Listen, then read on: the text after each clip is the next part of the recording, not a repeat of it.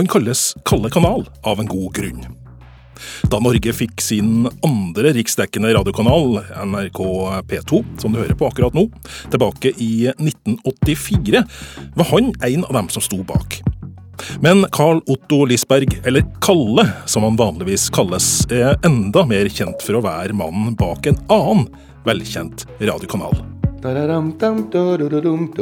P4 Velkommen til mediemagasinet Kurer, hvor vi i dag skal bli bedre kjent med Kalle Lisberg. Jeg heter Lars Erik Ertsgaard Ringen.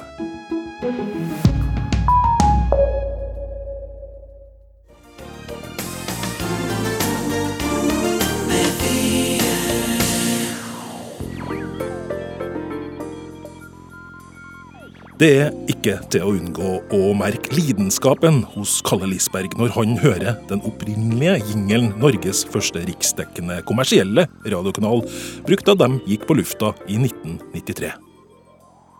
Og jeg får så varme følelser i hele kroppen. Til og med nå når jeg nynnet litt for deg i sted, så reiser det håret seg på, på armene og oppe i nakken. Og jeg husker første gangen Vi hadde jo først lokale på Karl Johans gate, blant annet. Og jeg bare skulle ned og, og sikkert kjøpe snus, da. og så, uh, og så uh, hører jeg det går liksom noen ungdommer foran meg. Og så, syng, så synger de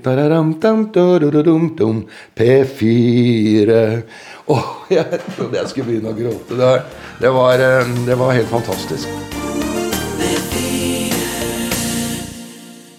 Men før vi kommer til 1993 og P4, så må vi starte med begynnelsen. Hvordan endte Kalle Lisberg egentlig opp som mediemann? Jeg ble først journalist ved at jeg var um, um, militærnekter. Uh, man var jo litt radikal og sånn på, på 70-tallet, ikke sant. Uh, og, og, så ble jeg redaktør, valgt til redaktør for Sivilarbeidernes uh, mannskapsavis. Uh, og, og, var, da, og, da, fikk jeg et, eh, et krasjkurs. Hadde aldri hadde skrevet litt sånn i leserinnlegg i Telen på Notodden. Men ellers ikke noe særlig erfaring. Og så fikk jeg et krasjkurs av Erling Borgen, den, den berømte dokumentarist og journalist. og og, og, som lærte meg hva en tittel, uh, hvordan den skulle være, hvordan ingressen skulle være. Og, at, så, og det gikk uh, veldig bra. Og så søkte jeg på Journalisthøgskolen. Uh, og kom inn der ved, som tror jeg er sistemann. Hadde da tatt, studert historie og psykologi. Men kom inn der, og uh, fra dag én på den skolen så følte jeg at dette er noe for meg. Dette, dette kan du fikse, Kalle. Og det var en utrolig god følelse etter at jeg hadde ørkenvandret på Blindern og, og følt meg litt utafor og ikke fått det ordentlig til. Jeg har jo vokst opp på Notodden, og i mange år der var min far pastor i Metodistkirken. Uh, og han var en veldig god uh, formidler, kommunikator. Så jeg tror også at jeg tok med meg noe av uh, lærdommen som altså han overførte til meg. og jeg oppdaget jo egentlig at Jesus var jo den første tabloidjournalisten. Han Det var vel ingen som kunne formidle historier bedre enn han gjennom lignelser.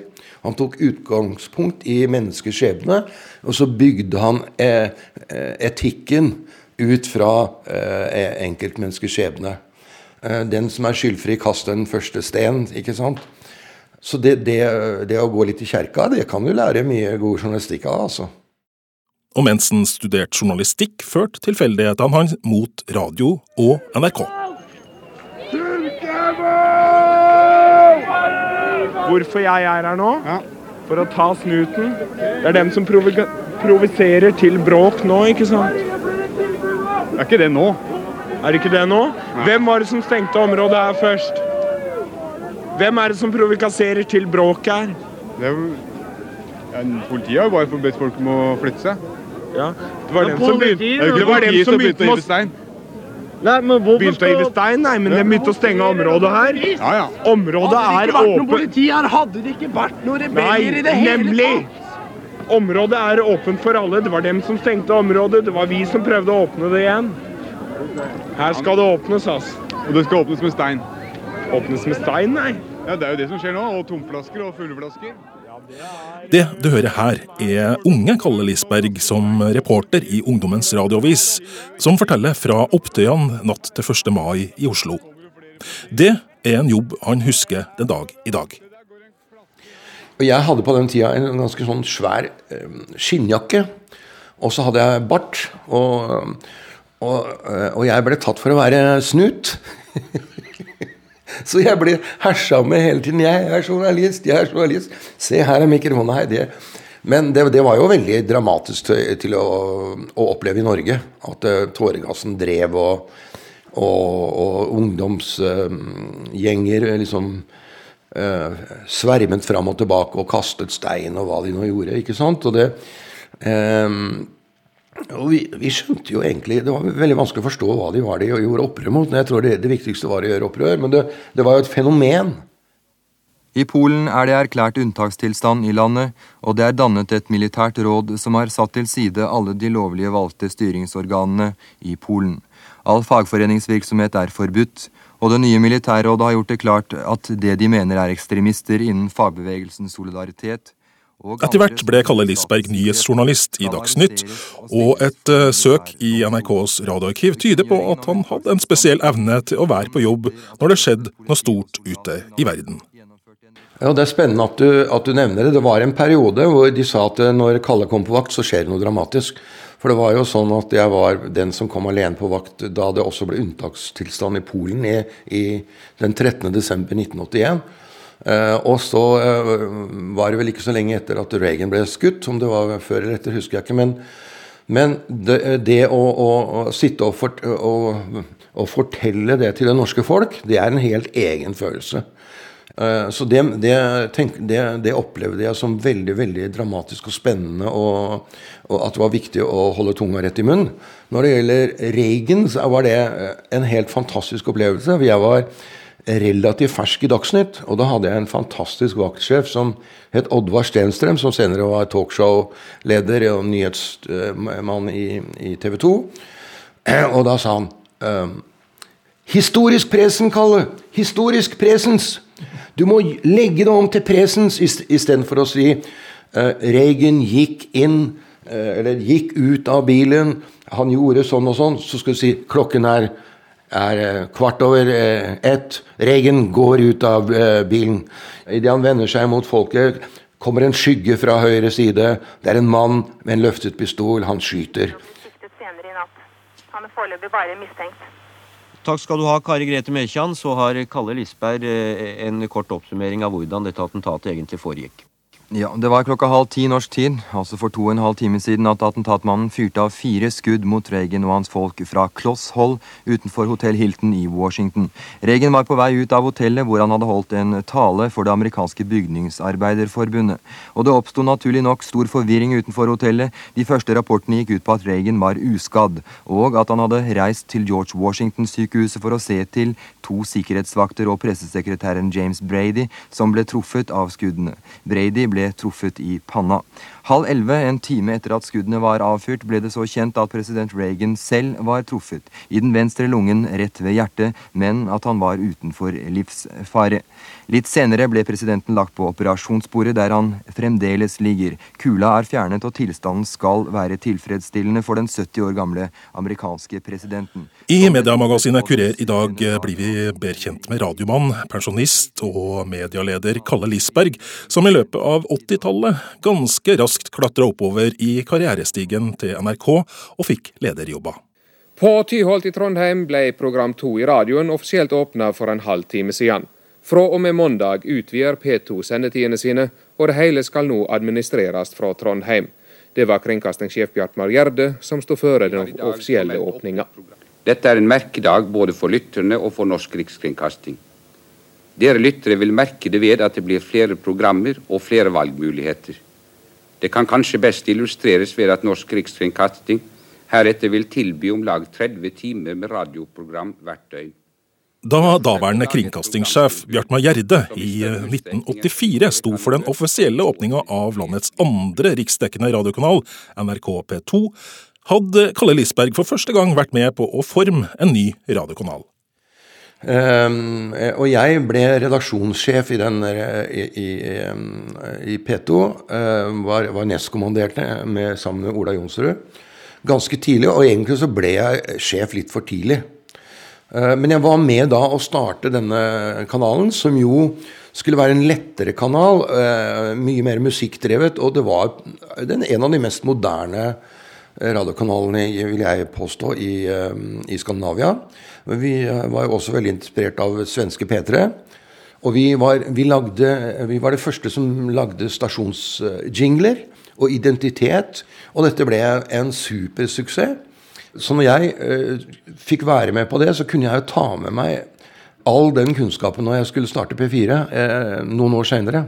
Jeg hadde jo vært med på å lage en sånn kanal, og det, og det var til stor glede. Dessverre så så pga. politiske vedtak og tull og tøys, så, så, dessverre for NRK, så la de jo ned den. De gjorde om den kanalen til å bare bli en, en, en tilsvarende kanal som P1 med kulturavdelinger, politiske avdelinger og bla, bla. Det ble stivbeint og byråkratisk og med politiske hensyn og og det skulle være så og så mye religion og filosofi, og det skulle være allmennutdannende og osv. Så, videre.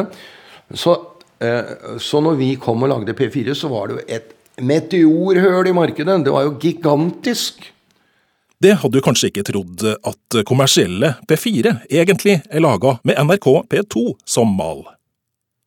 Når Kalle Lisberg så det hullet han mener NRK skapt i radiomarkedet, måtte han bare gripe muligheten. Og da var jeg så klar som et egg. Da visste jeg at eh, jeg, jeg, er født til å starte denne radiokanalen.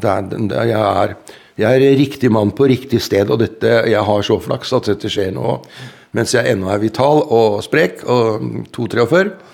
Og så fikk vi jo den konsesjonen, da. Men sjøl om P4 fikk konsesjon til å bli landets første riksdekkende kommersielle radiokanal, var det slettes ikke lett å finansiere prosjektet tidlig på 90-tallet, i nedgangstida etter at jappebobla hadde sprukket i Norge. Redningen ble mediemogulen Jan Stenbeck fra Sverige. Den der jappekrisa hadde de ennå ikke hatt i Sverige ennå. Den kom litt etterpå. Men da vi dro til eh, Stenbeck i Sverige, så sa han men hva faen, det her er jo lisens av trykke penger.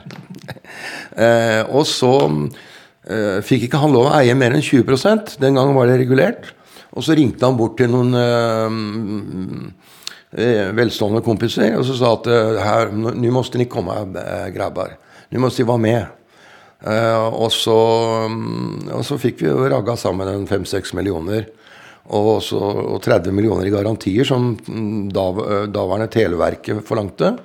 Og, og, så greide vi, gitt. Og vi konkurrerte. da Den eneste seriøse med mm, konkurrenten egentlig var Knut Håvik. Var en, vi var en hårbredd, eh, hårsbredd fra å få se, se og høre radio i Norge. Men eh, jeg er så freidig å si at folk skal være glad eh, for at eh, det ble P4. Eh, for vi hadde, vi hadde, publisistiske ambisjoner.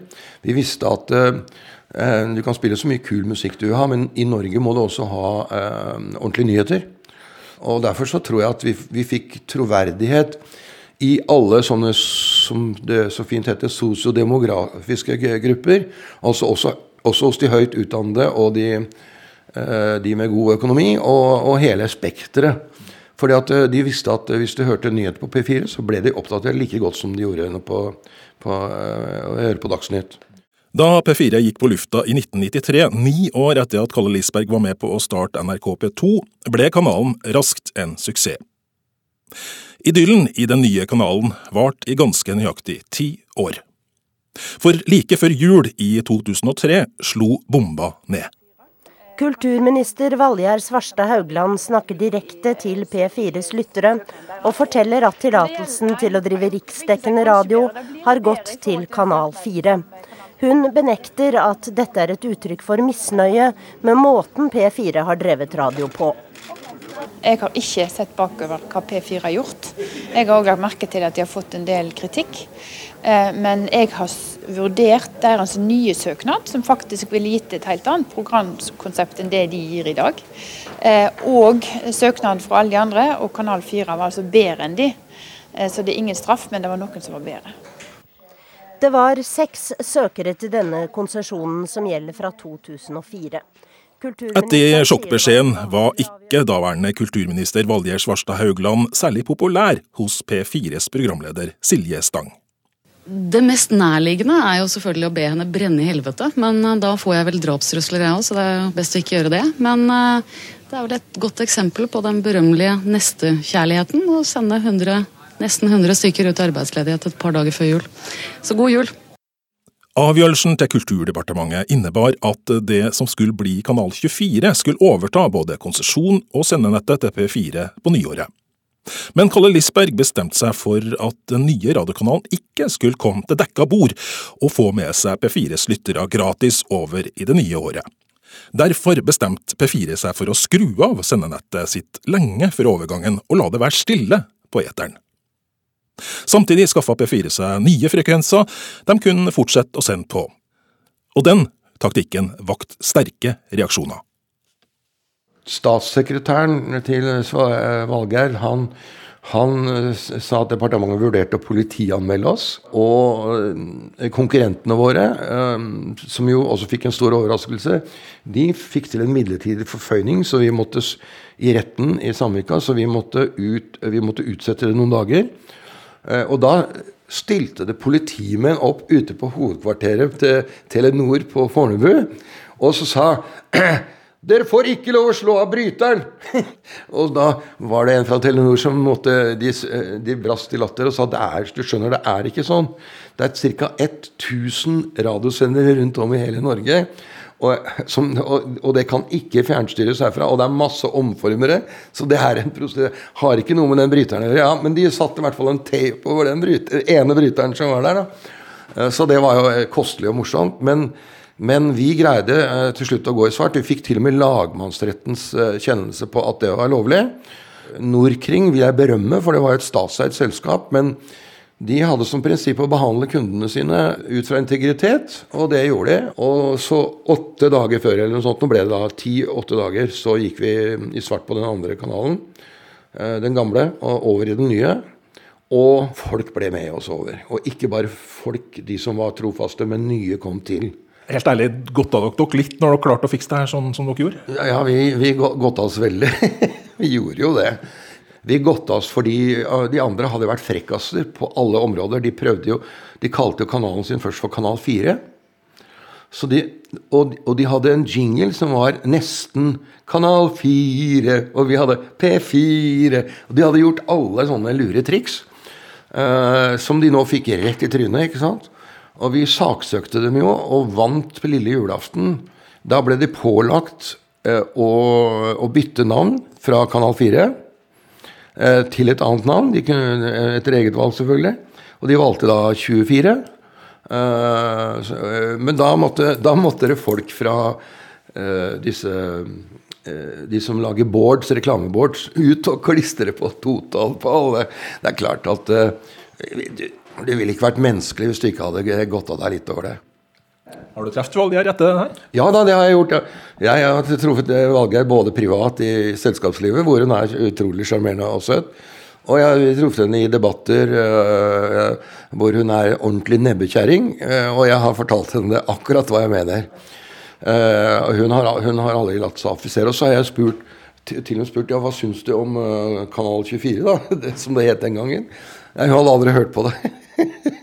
Jeg hører bare på NRK2, jeg. Jeg har en radio, jeg får ikke vridd på den heller. Så eh, nei, så hun Altså, det var håpløst. Og jeg tror at det rammet henne. Hun ble jo vel ikke Hun ble jo ikke gjenvalgt engang fra Akershus. Det såkalte frekvensstuntet viste seg til slutt å være en suksess. P4 beholdt stillingen som landets største kommersielle stasjon. En annen viktig radiohistorisk prosess Kalle Lisberg har stått midt oppi, er innføringen av DAB og slukkingen av FM-nettet. Nå er vi halvveis gjennom det første året med fulldigital riksdekkende radio i Norge, og det får den pensjonerte radiogeneralen til å fryde seg. Det er veldig moro å være radiolytter om dagen, altså. Sjøl om omlegginga har fått mye kritikk, er Kalle Lisberg overbevist om at avgjørelsen om å legge ned FM-nettet i Norge var riktig. Eh, det FM-nettet som vi har, er jo helt tilbake, går jo helt tilbake fra sent på 50-tallet, 1950-tallet og oppover. Så masse av dette utstyret er jo i ferd med å falle sammen. Så uansett måtte vi investert hundrevis av millioner.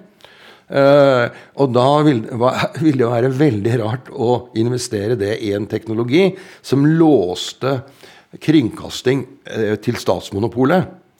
Når det finnes en teknologi som eh, gjør det mulig å la alle blomstene blomstre, på en måte.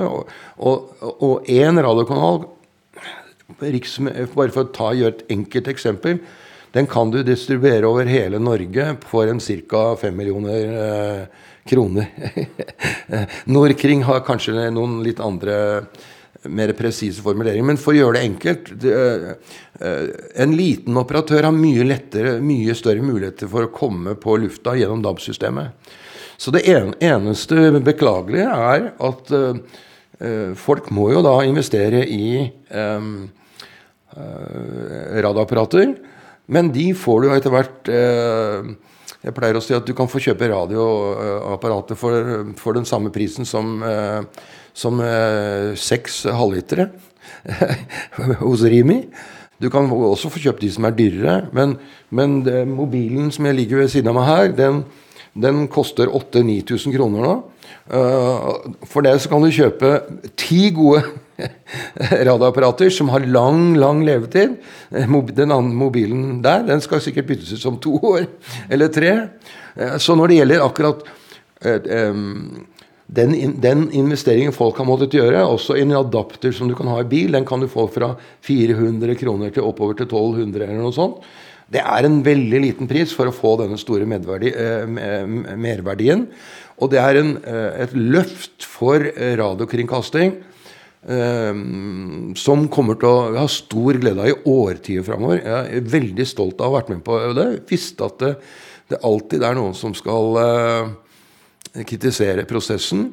Og så vil jeg jo understreke at vi har jo sendt digitalt på Internett siden 1996. Eh, vi, vi, blåser om folk hører på DAB eller på Internett. Men det som er så vakkert med DAB, det er at det er kringkasting. Det er ingen teleoperatør som tjener på eh, din streaming av radio eller, eller andre ting. Eh, det er kringkasting, og det er gratis for alle.